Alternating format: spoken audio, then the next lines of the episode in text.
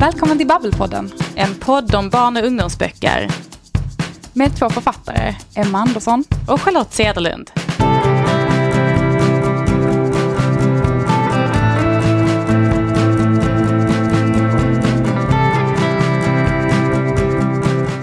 Charlotte, har du alltid läst mycket? Ja, men det har jag nog faktiskt. Om jag tänker på mig själv som liten så tänker jag på mig själv som ett läsande barn. Du då? Jo men samma här. Jag, alltså, ända sedan jag liksom knäckte verkligen läskoden så känns det som att jag, ja, men, jag har verkligen läst jättemycket. Sen blev det liksom lite sämre när man kanske pluggade eller så. Det var mycket kurslitteratur. Men, eh, men fram tills dess så, så var man ju en riktig bokmal. Verkligen. Men vad läste du för någonting? Kommer du ihåg? Alltså allt. Allt jag kom över. Jag var ju i, eh, i läslukaråldern. Eh, när jag var i den åldern så, så bodde jag utomlands. Så vi hade ju eh, inte så mycket böcker att tillgå då. Liksom. Det, var inte, det var inte så modernt som det är idag. Eh, så då plöjde jag ju allt som fanns i mina föräldrars eh, bokhylla. Alltså även vuxenböcker. Verkligen allt jag kunde hitta. Liksom. Du då? Vad läste du? Ja, men jag läste nog också ganska blandat, men det jag verkligen, verkligen kommer ihåg, det var när jag hittade Narnia-böckerna. Jag vet inte hur gammal jag var då, om jag kan ha gått i tredje klass eller kanske fjärde. Men fick hem dem, hela den här serien, och verkligen drabbades av den här äh, fantasyberättelsen. Och det blev liksom ingången till fantasyn för mig och ända sedan dess har ju fantasy varit det jag har älskat mest. Det har liksom varit min genre. Så det är ett starkt läsminne för mig. Jätteroligt att du nämner Narnia-serien för det var faktiskt exakt samma för mig. Det var samma också, det var också inkörsporten i fantasy. För den läste jag innan jag läste Harry Potter och då var ändå Harry Potter verkligen i min Typ peak-läsålder liksom. Men jag hann läsa Narnia-serien innan. Ja, det, det var en stor upplevelse faktiskt. Men hur tror du det är ställt med barns läsning idag? Tycker man hör ständigt oroande rapporter om att läsning liksom inte, ja men att det går ner. Men det gör man ju och jag är ju absolut ingen expert men jag uppfattar det ändå som att läsningen kanske är helt okej för barnen när de är yngre. Och att det verkliga problemet kommer när de börjar närma sig högstadiet. Men jag är lite osäker. Ja, jag tycker alltid, alltså jag tycker om man ser tillbaka i tiden så tycker jag alltid att det har varit kanske att man är rädd för att andra saker ska stjäla iväg läsningen. Så det är så svårt att avgöra, så här, är, det, är det på riktigt den här gången? Eh, är det verkligen slutet för läsningen? Eller, eller är det här ännu en, en period av, åh nej, åh nej, någonting annat stjäl alltid. Liksom, det här är slutet. Liksom. Man vet aldrig om det, om det är på riktigt den här gången eller om det bara är alarmerande rapporter. Men eller hur? Men jag tänker att det finns ju många författare såklart som jobbar väldigt, väldigt läsfrämjande eh, med barn ute i skolor och sånt och vissa som verkligen, verkligen har gjort det till en grej kan man väl säga. Ska vi försöka grotta in oss lite mer på det? Ja, men det tycker jag.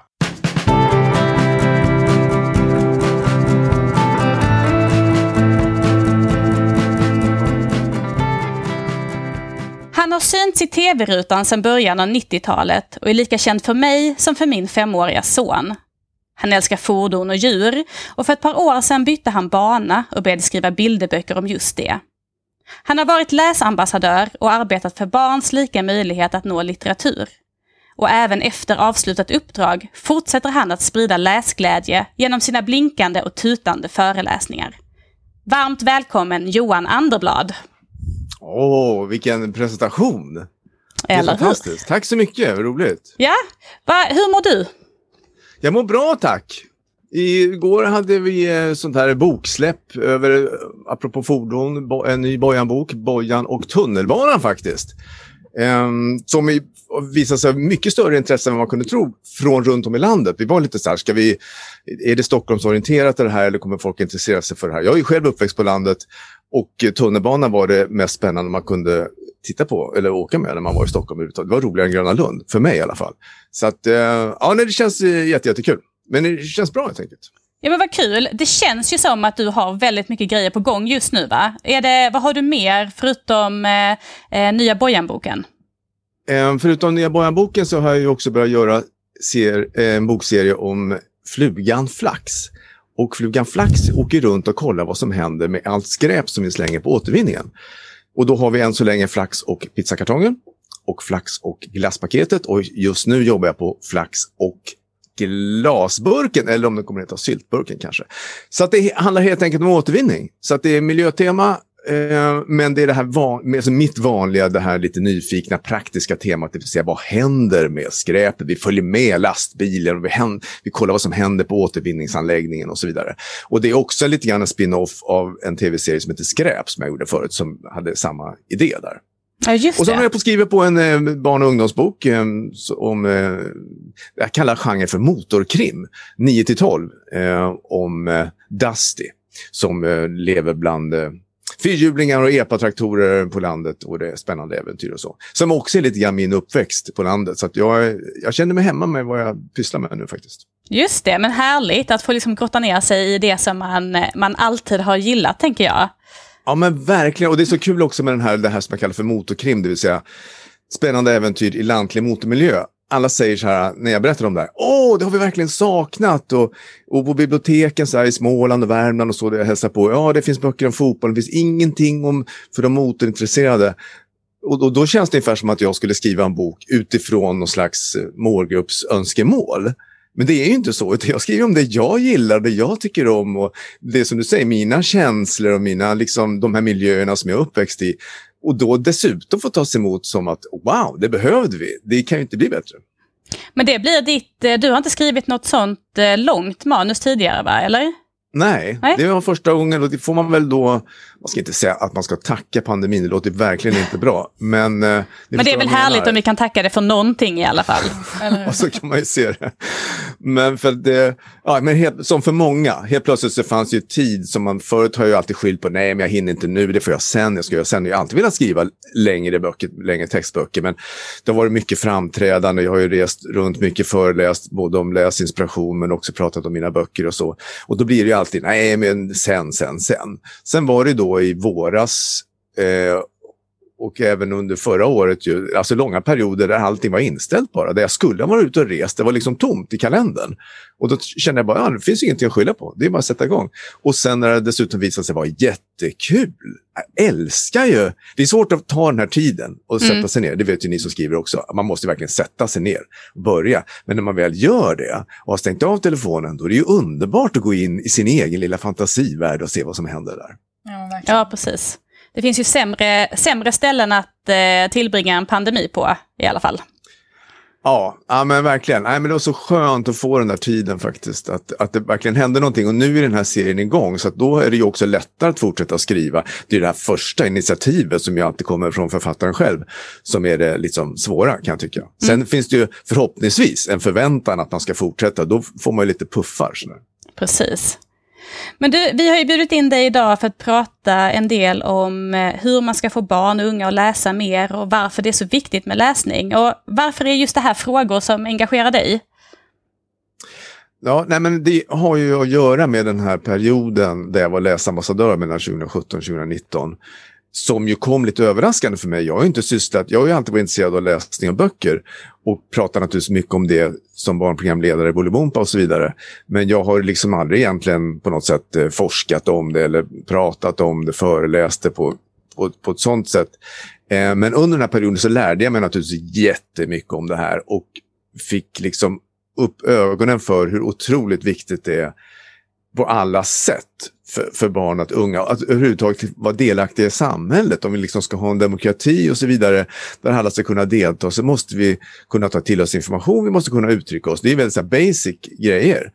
Eh, där läsningen är jätteviktig. Men sen är det naturligtvis också ett fantastiskt verktyg att utforska sig själv och, och sina känslor och, och, och, få empati och så vidare. Alltså det, helt enkelt att utvecklas som man gör med litteratur på ett helt annat sätt än eh, med film och tv till exempel.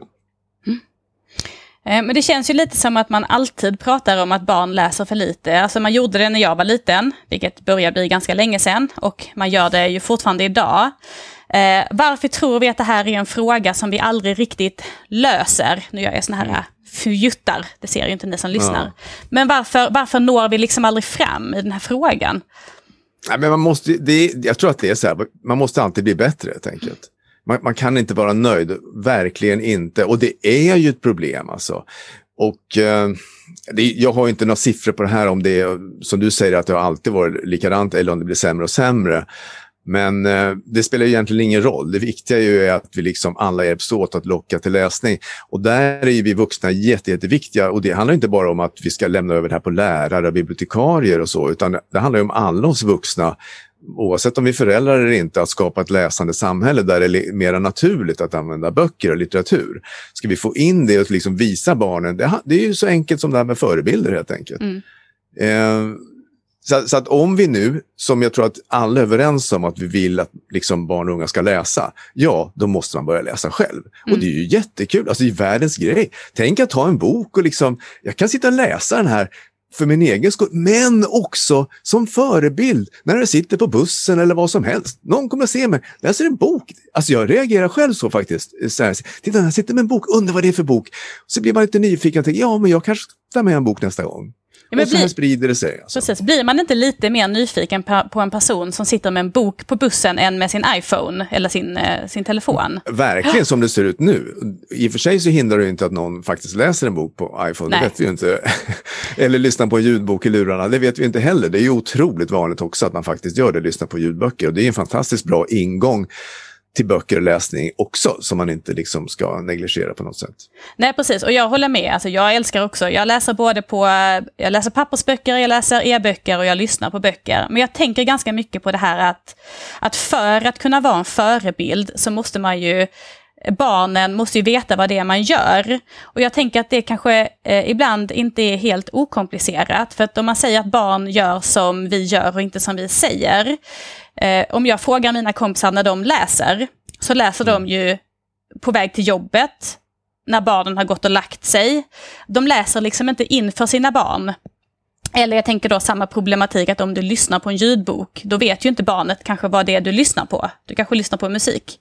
Och att det är en del av problemet, att om man ska vara en förebild så måste man ju synas. Alltså det man gör måste synas. Hur tänker du kring det? Ja, men just det här med, det här är också intressant. När jag började som läsambassadör, då började jag naturligtvis med att försöka ta reda på vad är det som gäller. Alltså vi gick igenom all forskning. På vilket sätt kan vi påverka läsningen enligt forskningen? Jag kan inte bara liksom gå runt själv och bara hitta på saker eller liksom säga ah, läs, läs, det är bra. Eh, och då är det faktiskt så att nummer ett enligt forskningen när det gäller vad påverkar oss att läsa, det är närvaron av fysiska böcker. Och bara det liksom den idén igen. Du läser böcker, men du har också böcker. Du har böckerna framme. Du och det är liksom barnens böcker, dina egna böcker. Eh, du har bokhyllor, du låter dem ligga framme på köksbänken, köksbordet och så vidare. Det här liksom skapar ett intresse. Och det här låter lite larvigt när man säger, ja, gå till bibblan och låna lite böcker och strö ut dem hemma. Alltså, vi, men jag har fått jättemånga bevis på folk som har faktiskt gjort det här och lyckats. Med mm. sina tonåriga barn till exempel som varit ointresserade. Plötsligt ligger det massa olika böcker framme för den här tonåringen. Och sen rätt som det så börjar han bläddra och rätt som det fastnar i någonting. Alltså det är något magiskt med den fysiska boken och där, apropå ljudbok och e-bok, så har ju inte den riktigt den effekten. Eh, och jag sitter ju nu på ett skrivbord där jag knappt kan röra mig för att det är så mycket böcker, fysiska böcker. Uh, och, och, det är ju liksom lockande. Sitter jag och visar här i den här podden? ja. ja, men i alla fall. Det är lockande också med de här omslagen och den här känslan med en fysisk bok. Och Ja, man, och baksidestexterna, man blir liksom nyfiken. Så att det, den fysiska boken skapar ett intresse. Och det är inte bara någonting som jag hittar på, utan det säger forskningen helt enkelt. Det var spännande. Det låter, alltså, jag, jag tror verkligen helt på det, för det är mitt absolut största minne, typ när jag fick komma ner i min eh, morbrors källare, där han hade, han är, han har varit gammal eh, lärare och han hade en källare full med liksom, där hade han ställt ner alla böcker han inte fick plats med liksom uppe i vardagsrummet. Okay. Eh, eh, och jag minns fortfarande att jag kunde gå runt där i flera timmar och bara typ så här, kolla på alla böcker och dra ut, bara, vad är det här för någonting? Och, ja, ja. Det tror jag verkligen det ligger mycket i det. Ja, men det har du rätt i. Jag tänker också mina föräldrar, det var roligt att de har böcker i källaren. också som man gick ner där så var man liksom själv och stod och rotade de där konstiga böckerna. Man förstod inte så mycket men det var, det var ju ändå något magiskt med att alla är olika på utsidan och insidan och är liksom speciella och en del har bilder och en del inte. Och, ja, nej, men det är häftigt med böcker. Okay. Ja, men det är det. Eh, när man eh, pratar om eh, barns läsning idag så kommer det ju oftast upp eh, Eh, en, en, en bov, en bov som är liksom den största boven i drama, dramat, åtminstone i debatten, och det säger man ju är skärmarna. Eh, delar du den uppfattningen att det är det liksom den enda bo, boven, eller ska jag säga utmaningen för att få barn att läsa, eller finns det fler saker som gör att man inte riktigt kommer igång med läsningen? Vad tänker du? Ah, det finns ju hur många, hur många när man, man pratar om hur ska till exempel jag få mina barn att läsa. Och då, har, då är det ju ofta så där, man har olika idéer och någon säger att det ska vara liksom tvång och det, någon annan säger någonting annat. Alla barn är olika, vi får aldrig glömma det. Alltså att verkligen försöka titta på hur, hur, hur just ditt barn eller det barn vi pratar om här nu är.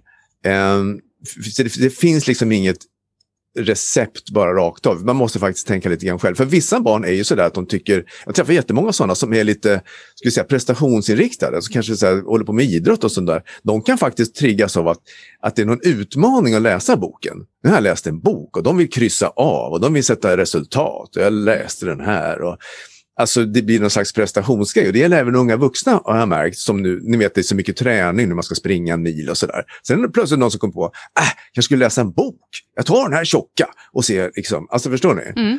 Uh, någon annan kanske drivs bara av lust och ska ju liksom ha en enkel, mjuk, härlig ingångsbok som bara är liksom lustdriven med härliga bilder och så vidare. Eh, och så finns det någon som vill ha belöning och så, så är van vid det belöningssystemet och funkar det. Så att jag menar bara att alla metoder är tillåtna oavsett om det är du får en glass du har läst eller att man hittar en sån häftig bok så att de inte kan låta bli att läsa eller att man gör det till någon slags eh, tävlingsgrej eller ni vet sånt där, eh, vad heter det man kryssar i sånt här. Ja, Precis. Läs bingo och sånt där, ni vet. Läs ja. boken under, en, under ett bord och läs upp och ner. Och, ja, som ju också, det finns ju så mycket roliga grejer man kan göra runt det här. Men när det gäller skärmar så, så har jag också hittat många barn och ungdomar som har liksom egna ingångar på det där.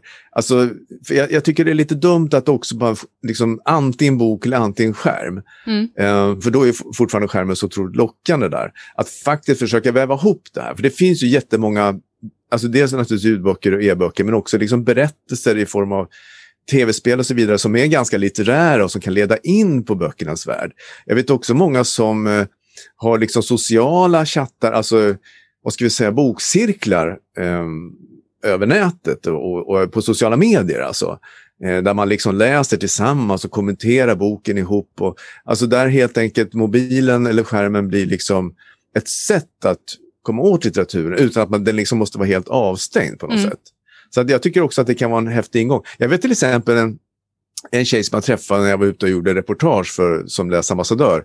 Hon var väl 16 år och började på gymnasiet precis. Hon hade fyra, fem kompisar och sen läste de en bok för varann eh, högt liksom, så här, över en chatt på något sätt.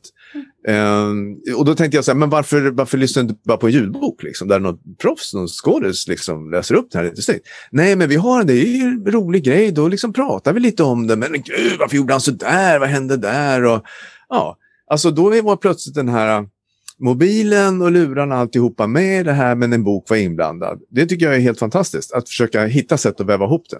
Det låter helt underbart. Jag blir sugen på att göra det nu med mina kompisar. ja, nej, men jag tyckte det var så otroligt rolig idé och det hittar de på själva. Liksom. Det är ett sätt att umgås. Ni vet, man hänger mycket på den här chatten eller Facetime och sådär. Och man bara, ja, och sen till sist vet man inte riktigt vad man ska göra. Liksom. Ja, det var någon som drog igång det där. Ja, men jag läser lite den här boken. Mm. Så turades de om helt enkelt. Men jag tycker det känns lite som att skärmarna är liksom eh, dagens ursäkt lite. Alltså det känns som att det har alltid funnits någon ursäkt för varför barn inte läser. Det har varit tv, det har varit tv-spel, det har varit eh, liksom, ja. det, det, har alltid funnits någonting. Eh, och nu är det väl liksom skärmar, iPads och sådär. Så jag tänker att det men, men vad skulle du säga liksom, alltså hur kommer man igång med läsning? Eller så, om man har ett barn som man märker att det hittar inte rätt. Alltså är det, är det då liksom eh, att man ska lägga lite böcker som den ska hitta eller, eller har du något annat tips? Det är böckernas fel säger jag då. Nej men det är ju så här. Och det tycker jag också är viktigt att tänka på. Och man slarvar oerhört lätt med det. Man tänker så här, ja men jag har ett barn här som är sju år. Ja, då går man på biblioteket och hämtar man tre böcker som är så här 6 9. Bra. Och så läser inte barnet. Du ska ju läsa här. Utan att kanske tänka på, är det här böcker som faktiskt intresserar? Är det här rätt miljö eller karaktär och så vidare? Det vet man ju själv, man vill ju inte sitta och läsa en bok som man inte är intresserad av. Det, det händer ju inte alltså. Och då är det så här, det finns ju så otroligt mycket böcker. Utgivningen är ju enorm nu när det gäller barn och ungdomslitteratur. Så att man ska absolut leta och man ska liksom inte ge sig förrän man har hittat rätt. Och det där är oerhört svårt att veta vad som faktiskt passar. Det är inte så enkelt som att okej, okay, eh, min son gillar att rida, då tar jag hem den här hästboken och sen är det klart. Det är ju inte det och det vet vi ju alla. Jag menar, vi som är vuxna och läser kanske någon deckarserie, det finns ju hundratals sådana här deckarserier bara i Sverige. Ni vet, Ölandsdeckarna och Hagforsdeckarna och bla bla bla. Ja, men det är kanske bara en som du fastnar för. Och man vet inte riktigt varför. Det är någonting med karaktär, miljö, sätt att skriva och så vidare. Det är oerhört svårt att analysera. Och det är ju ingen som riktigt klarar av att göra heller egentligen. Och det är inte heller nödvändigt. Men det som är nödvändigt är ju att liksom hitta rätt bok helt enkelt. Mm. Till den här barnen eller unga. Alltså inte ge sig, bara ta hem bok, bok, bok, bok, bok. Till sist så kommer det vara någonting där man verkligen känner wow, eh, det här är min grej.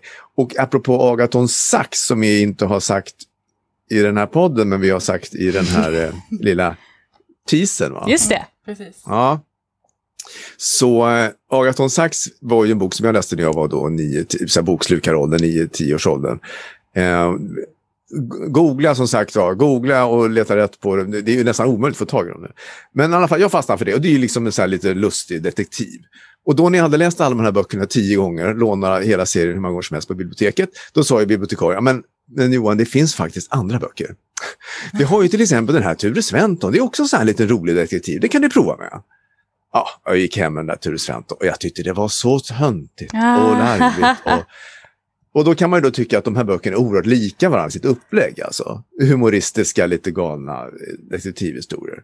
Men jag fastnar för den ena, men absolut inte för den andra. Och det är bara ett exempel på hur nära det kan vara och hur svårt det också kan veta vad, vad som verkligen passar. Så prova, prova sig fram, det är det som gäller. Just det.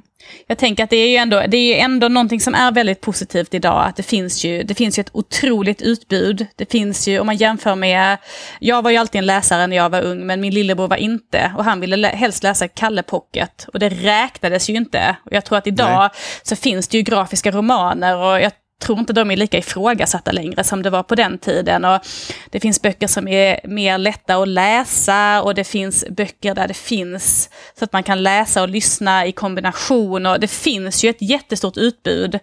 Och tycker man själv att det är svårt att välja så är ju biblioteken kanon att gå till. Och få hjälp liksom med få förslag, tänker jag. Mm, verkligen. Jag hade jag håller med. Jag en toppenbibliotekarie när jag växte upp som han visste allt. Ja, men vad härligt. För det, ju, det, det, ska vi också tänka på att bibliotekarier ofta är lite underutnyttjade. Eh, man kanske tänker man går till biblioteket där så sitter bibliotekarien och, och jobbar med någonting, såklart. Och arkiverar någonting och så vill man inte störa där, så vet man inte hur det ska gå. Och så går man och rotar lite själv så hittar man ingenting och så är det klart. Absolut gå fram och fråga bibliotekarien helt enkelt. Mm. Ja, men de har ju otrolig kunskap. Mm. Och kan ju ge tips som man aldrig hade letat fram själv liksom. Nej, exakt. Men jag tänker också på det här som eh, Kalle Pocket och det. Jag tycker det är ganska många nu kulturpersonligheter så att säga som, som, som liksom kliver fram och säger ja men Kalle Anka Pocket, det var min ingång till litteraturen. Alltså som du säger, det är en helt annan syn på det mm. nu. Att eh, eh, all läsning på något sätt ändå är, är bra läsning och kan leda till mycket större saker än vad man kanske hade tänkt när man började med sin kalanka pocket och, och sen blev litteraturkritiker i... på Dagens Nyheters kultursidan. Precis. Och det funkar väldigt bra i kombination, för jag läste också extremt mycket kalanka pocket när jag var liten. Ja. Eh, till sidan om en massa andra böcker också. Mm. Så det, det är toppen. Härligt. Men du, en grej jag funderar lite på det är ju att om man tittar på dina Bojan-böcker så är de mm. ju, som sagt, vi läser dem väldigt mycket hemma. Min son är ett stort fan. Eh, men de är ju någon slags, ja det ska jag göra, blir han glad. Eh, de är ju någon slags hybridversion. Det är fakta, men det är ju också en berättelse. Och eh, eh, hemma hos oss så funkar det väldigt, väldigt väl. Det funkar mycket, mycket bättre än en ren faktabok. Men mm. det blir också mer spännande än bara en berättelse. Är det här liksom ett medvetet grepp som du, alltså var du medveten om det när du skrev böckerna, att det här var ett bra sätt att locka till läsning? Ja, alltså det finns ju som bekant fordonsböcker tidigare och absolut så ville vi liksom förnya genren, för det är en typ av genre litteraturen då med fackböcker om fordon. Eh, och, och bredda den som du säger och göra, skapa någonting liksom lite varmare och mjukare och intressantare och bredare naturligtvis också. Så att visst är det så. Och sen dessutom då kom ju Filippa eh, Widlund in här och eh, som eh, illustrerar böckerna. Och illustrationerna betyder naturligtvis jättemycket för det här också. Det är ett samspel mellan henne och mig hela tiden. Så när hon ritar in det är ju Bojan och hans mamma Bibi och katten Tussan. När, när hon ritar in Tussan mer och mer i bilderna, ja då får ju Tussan katten är liksom också en större del i historien och så vidare. Alltså det blir ett samspel mellan hennes ett mjuka sätt och, och, och, liksom, och färgstarka, eh, lite, ofta lite dramatiska också sätt att eh, rita som gör att jag eh, också liksom drar historien åt det hållet. Mm. Men, men den här blandningen funkar fantastiskt bra tycker jag. Eh, för, ja, man lockar både med fordon och en, en saga helt enkelt. Ja, precis. Men nu när du jobbar med lite andra projekt också eh, utanför eh, bojan, eh, tänker du lite likadant där? Hur du ska liksom twista till det för att det här ska kunna liksom bli riktigt så här läslockande? Ja, det är klart man vill ha det läslockande, men inte riktigt så tänker jag nog i alla fall från början, utan det är ju mer att man får kanske en idé, så ska man göra det här bokprojektet och sen när man väl utformar det, är klart, så det är nog inte riktigt ändå tycker jag så att eh, nu motsäger jag mig själv lite grann. Eh, att, att man liksom sitter så här och kalkylerar liksom på, på upplägget hur det ska tas emot. Utan man börjar ju mycket ändå med sitt eget intresse och hur man vill berätta historien. Och sen i bästa fall så överensstämmer det här med, med målgruppens önskemål så att säga. Um, så att det, men det, det, som är väldigt roligt med både de här skräpböckerna, alltså flaxböckerna och bojanböckerna, det är ju att det här intresset för fordon till exempel då kan leda in på, och det är ju roligt med de här böckerna också, att det innehåller någonting mer, det innehåller mer en berättelse och så, men också leda in till böcker och läsning överhuvudtaget. Och det hör jag när jag är på bibliotek och sådär eh, och framträder och berättar om Bojan-böckerna och så vidare, att det, bibliotekarien ofta säger oj, det kommer massa andra människor som inte brukar komma hit annars.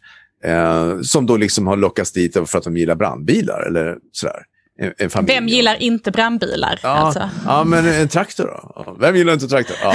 Men, men, men alltså att, att fordonen i sig var det som lockade till biblioteket, som sen lockade till mina böcker och sen lockade till andra böcker och, och att vara på biblioteket och att läsa överhuvudtaget. Så att, att, eh, att ett fordonsintresse helt enkelt leder till läsning, det känner jag var jättekul.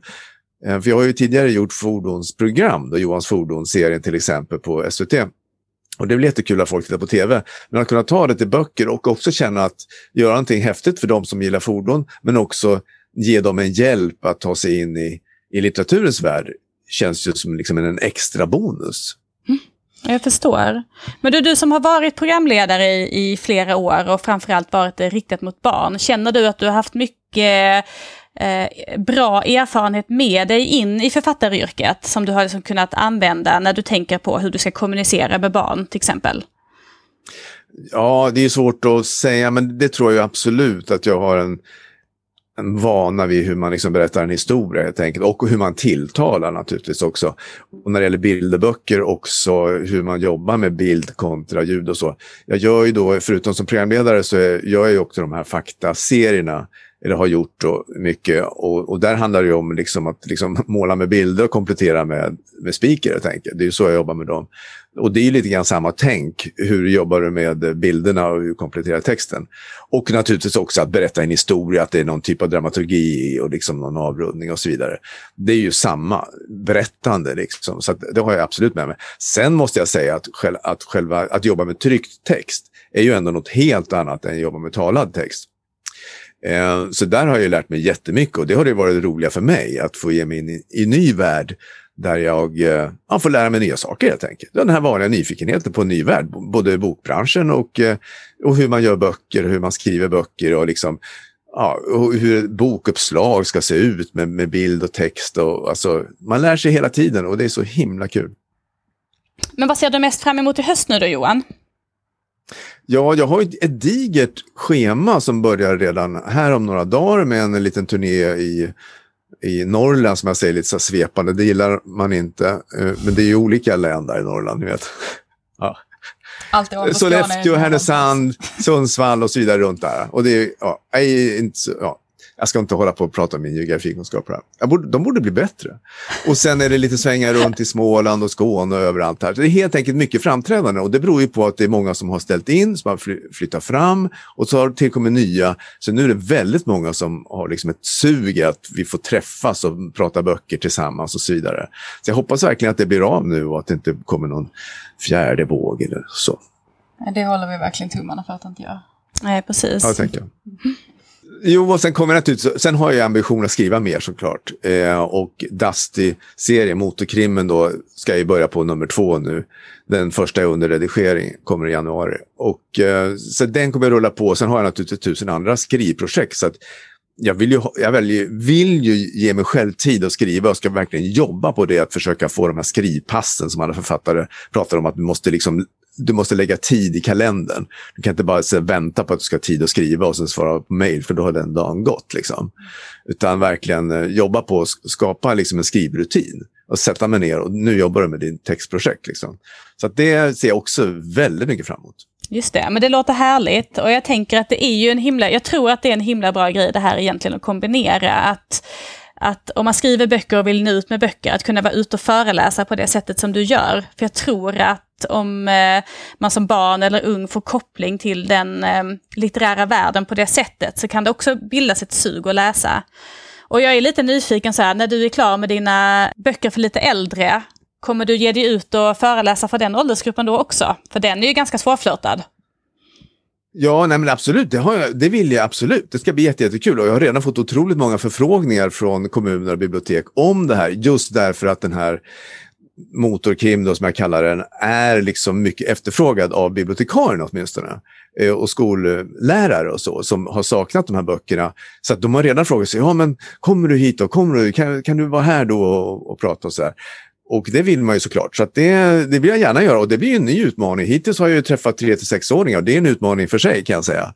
Eh, och det vet ju du i alla fall, där, Charlotte. Och eh, ja, eh, det kan hända vad som helst på de framträdandena och det är ju väldigt, väldigt spännande. Och det kan det såklart göra på de här andra också. Och det är ju det som är det roliga, att möta människor på olika sätt. Och försöka vara lite alert på det och se hur man ska svara upp på saker och ting.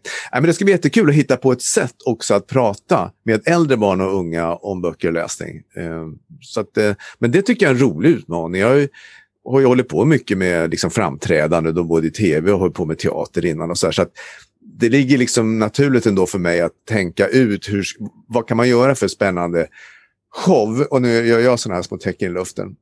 Jag vet inte om man ska kalla det det, men i alla fall någon, man vill ju ändå ha någon typ av framträdande som inte bara är att gå dit och, och svara på frågor utan man liksom försöker skapa någonting. Um, så det ska bli jättespännande tycker jag. Ja men det tycker jag också. Jag tror att jag ska, jag ska hålla koll på var du är någonstans och när du kommer ner till Skåne, vilket jag hoppas att du gör, då kommer jag och tittar. Det tycker jag, det ser jag verkligen fram emot. Vad är det, just det, du är lite på västra delen där nere, var det? I Lund. Västra Skåne. Kom till Lund. Ja, just det. Du är varmt ja. välkommen.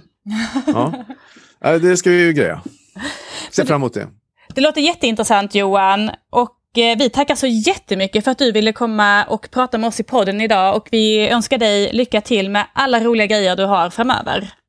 Ja, men tack så mycket. Jättehärligt att få vara med. superkul idé det här tycker jag med podden. Tack så jättemycket. Ha det så bra.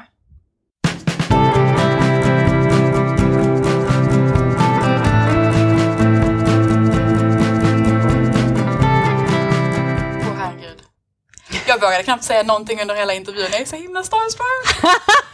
är det sant? Alltså jag, jag minns ju liksom Johan från Bolibompa när man var liten. När han satt med den här lilla pipkaninen som heter Pipen.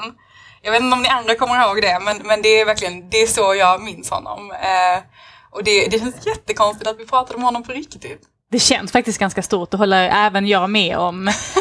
det är ju lite en, en barndomsstjärna eller man ska säga. Men verkligen, och även om han har gjort liksom karriär nu som författare och har liksom lite är känd för, av lite andra anledningar kanske så, så är det fortfarande, ja, men det, det är fortfarande där han finns i mitt hjärta liksom. Det, som programledaren man minns från barn. Men vad härligt Emma att du fick vara med om det här då. Ja, det är ett stort ögonblick. Typ. Men jag tyckte också det var en, det var ju ett jättebra samtal. Gud vad roligt att få prata om eh, böcker och läsning och inspiration och hur man inspirerar och sånt där. Jag förstår verkligen att man valde Johan till att bli läsambassadör för att han har ett sånt engagemang och det, det hörs ju verkligen på honom hur mycket han brinner för det här. Eller hur? Jag tänker det, lyckliga alla de barn som faktiskt får träffa honom, som får komma på de här eh, aktiviteterna han håller i och träffarna och får bli inspirerad av honom. Det är ju lyx. Verkligen. Men jag tänker ju att alltså, alla barn har ju trots allt inte turen att, att träffa en författare. Mm. Jag tänker att författare är väldigt bra på att liksom, ja, men, kanske uppmuntra till läsning och verkligen sprida den här glädjen och liksom, lusten kring skapandet och läsandet. Men ja, det är ju tro- trots allt inte någonting som alla får vara med om. Ja, Det är sant, men vet du vad alla, nästan i alla fall, kan få vara med om? Nej, vadå?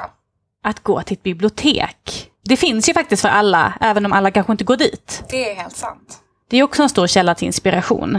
Och de som jobbar där är ju oftast extremt passionerande och kan komma med så bra um, förslag. Jag minns min skolbibliotekarie som jag hade när jag var liten.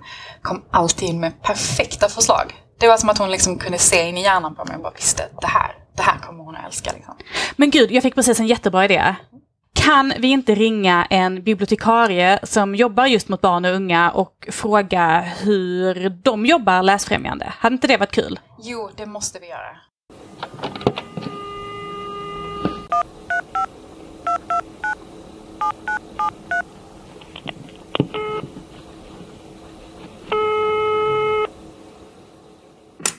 Hej, det är Marie Metso. Hej Marie, det här var Charlotte Sedlund på Babbelpodden. Hej, hej. Hej, hur mår du? Jag mår bara bra. Hur mår du? Ja, jag mår också jättebra.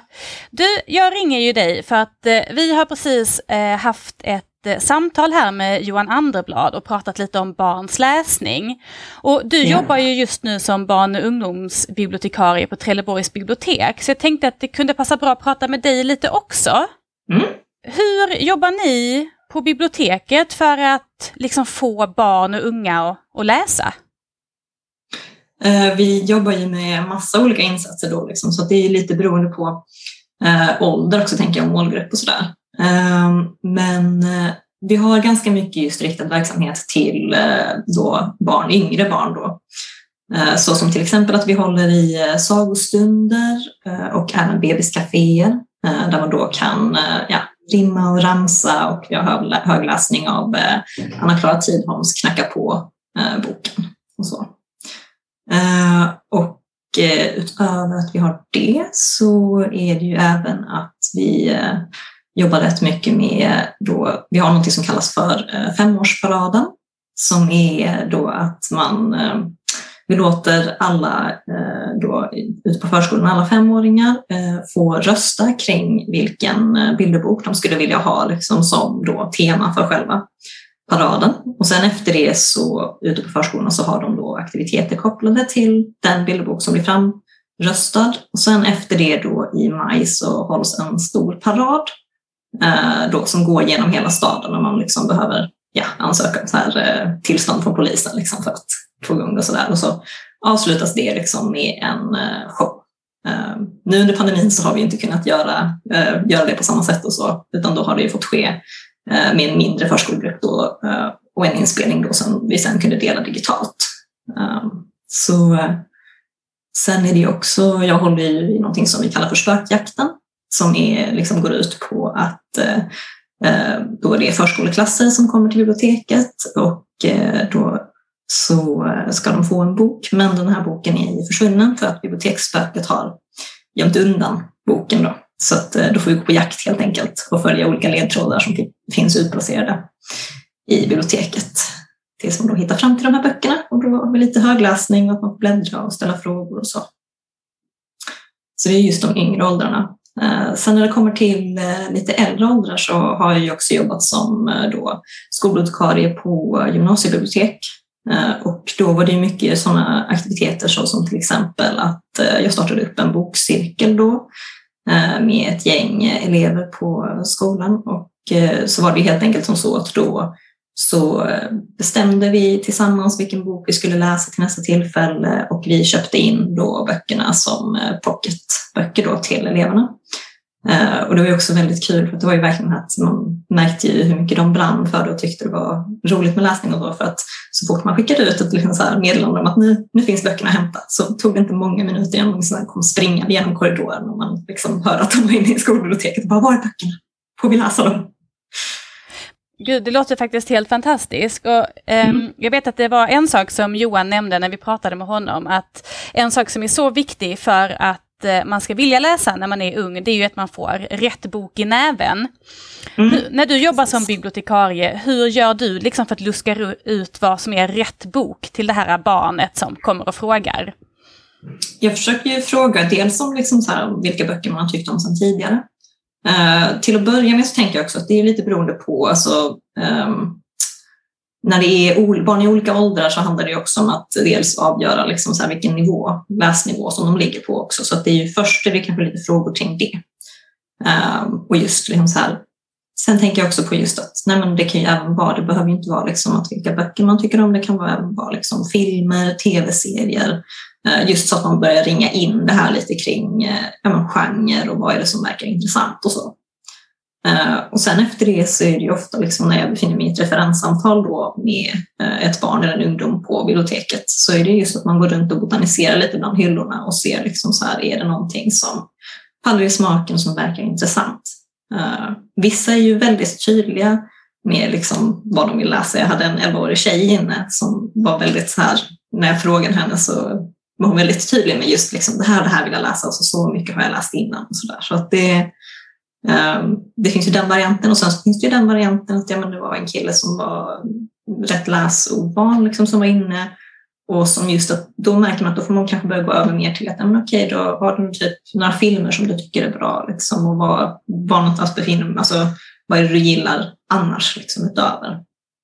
Så det handlar ju hela tiden om att ja, läsa av situationen helt enkelt och se till så att man har ett, ja, upprättar en dialog och har ett eh, samtal kring liksom, vad det är för intressen och vad som skulle kunna vara kul att läsa. Just det, och det är där jag tänker att ni bibliotekarier gör en sån stor insats därför att man Mm. Alla har inte föräldrar som har motsvarande samtal med sina barn. Och då behöver det finnas mm. någon annan som kan locka fram det där, vad är det du egentligen är intresserad av. Precis. Men mm. Eh, för några år sedan så jag ska inte säga gjorde om, men man döpte väl i alla fall om höstlovet till läslov. Vad tycker Precis. du om det? Jag tycker det är jättebra. Vi jobbar ju väldigt aktivt med det också ehm, eh, här på biblioteket så att det, nu har vi ju eh, aktiviteter inplanerade, bland annat då att vi ska ha eh, Eh, lite olika sådana här ja, aktiviteter som filmvisningar och eh, brädspels och pysseltorg. Eh, och sen utöver det då lite mer eh, som är inriktat på just läsfrämjande då att vi kommer ha eh, ett illustratörssamtal och författarsamtal och sådana saker. Eh, och så har jag även då, eftersom jag utöver att vara bibliotekarie också då är novellförfattare och poet eh, och då har undervisat som skrivlärare så försöker jag även få in själva veckans skrivlust Liksom. Så det är både liksom läslust och skrivlust som jag känner att jag jobbar rätt mycket med. Så jag kommer att hålla i skrivworkshops då under, eh, under läslovet i eh, att skriva poesi. Åh, oh, vad roligt! Ja, och eh, det är också någonting som jag jobbade aktivt med liksom, i samband med läslovet när jag jobbade på gymnasiebibliotek, att jag eh, såg till att starta upp en novelltävling då. Eh, så att eh, det är just sådana saker som jag tänker att man kan jobba med för att få igång det här på ett sätt också medskapandet och att man känner att man är delaktig av någonting. Just det. Och också smart att locka barn och unga till biblioteket med en bredd av aktiviteter tänker jag. För ibland mm. kanske man bara behöver få en anledning att gå dit. Mm. Jo, precis. Och vara liksom i miljön och då kanske det blir naturligare att man plockar med sig någon bok när man går hem. Mm. Just det. Men du, jag måste bara fråga dig också. Eh, varför valde du att bli bibliotekarie och varför just för barn och ungdomsböcker?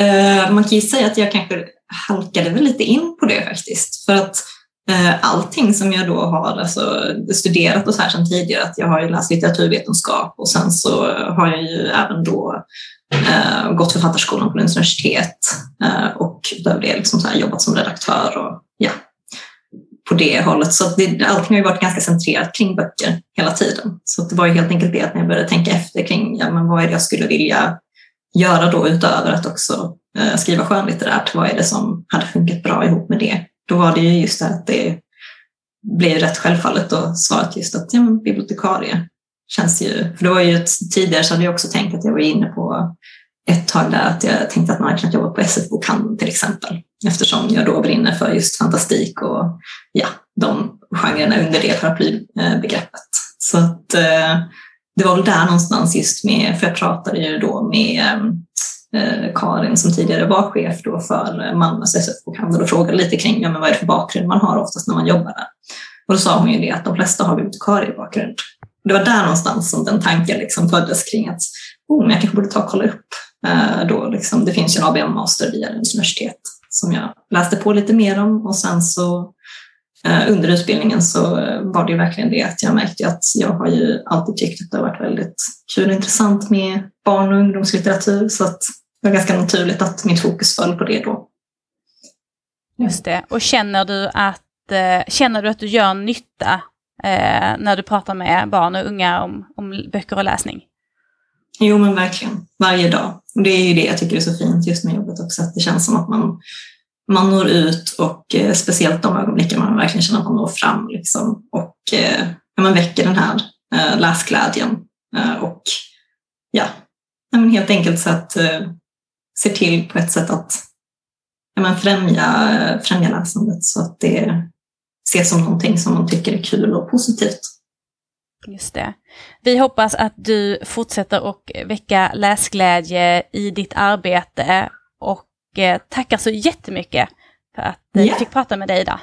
Ja, det var trevligt att prata med dig. Ha det fint! Detsamma. Hej då!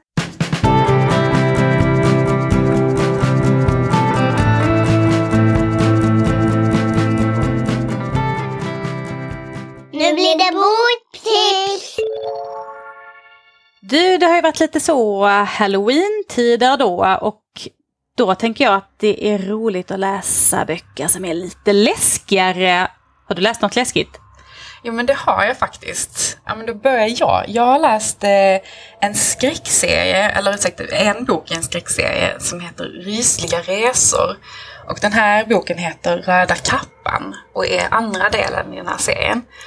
Och den är skriven av Tobias Gard och illustrerad av, förlåt i förväg, dansk illustratör, eh, Peter Sneibjerg. Tror jag säger det rätt. Förlåt Anna. Lät bra. Ja. eh, och det här är en lättläst bok för åldern 68 år som gavs ut på förlaget Hegas i augusti eh, i år. Och och eh, i den här boken, eller ja, i den här serien, så får man följa familjen Gravlund och deras talande buss, Kristin, när de undersöker mystiska väsen.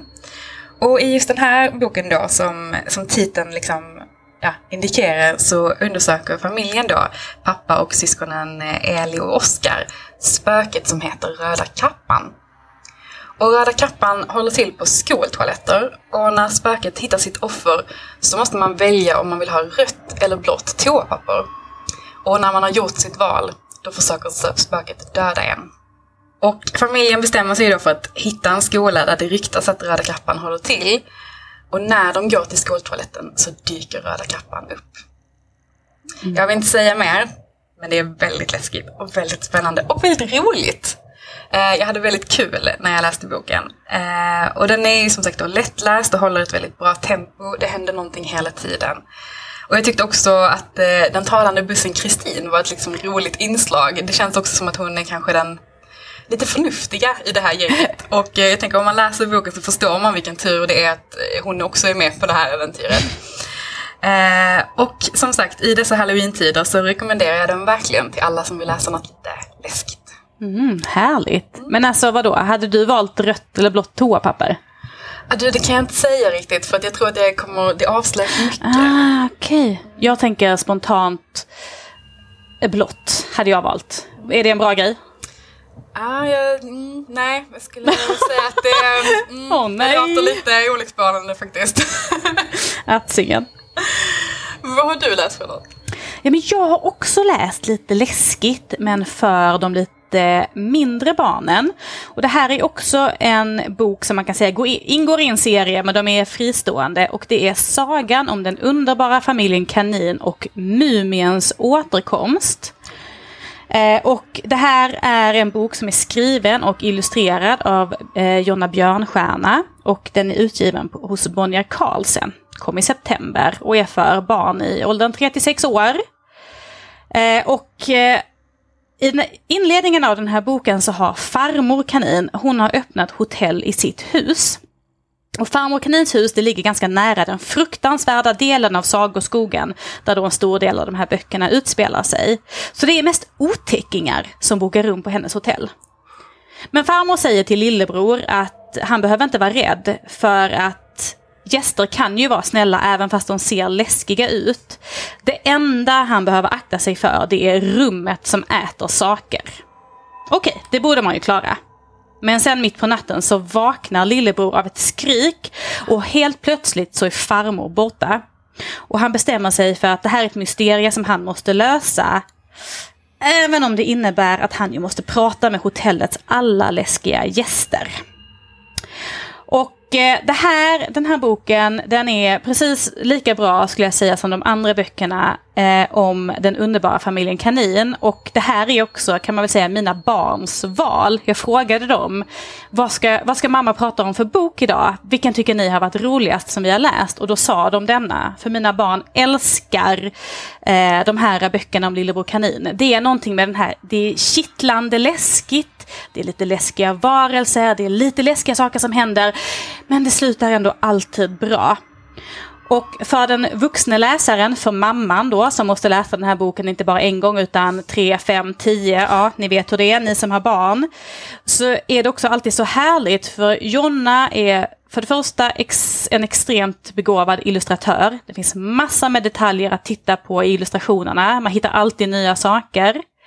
Och även i texten så väver hon in små, små saker som barnen inte märker, men där jag kan få mig ett extra gott eh, skratt. Och det är alltid välkommet när man läser en bok många gånger. Så jag rekommenderar verkligen denna och det gör mina barn med. Så läs den. Vad roligt. Men det låter som ett jättebra tips tycker jag. Men om ni har några tankar om böckerna vi har pratat om idag eller om ni har några tankar om böcker vi borde läsa framöver så får ni jättegärna lov att lämna en kommentar eller skicka ett mejl till oss eller ja, kontakta oss på något annat sätt. Eh, vi blir så glada om vi får lite kommentarer. Men annars får ni ha det så bra och eh, det är ju läslov, så läs. Läs mycket. Ha det så bra! Hej hej!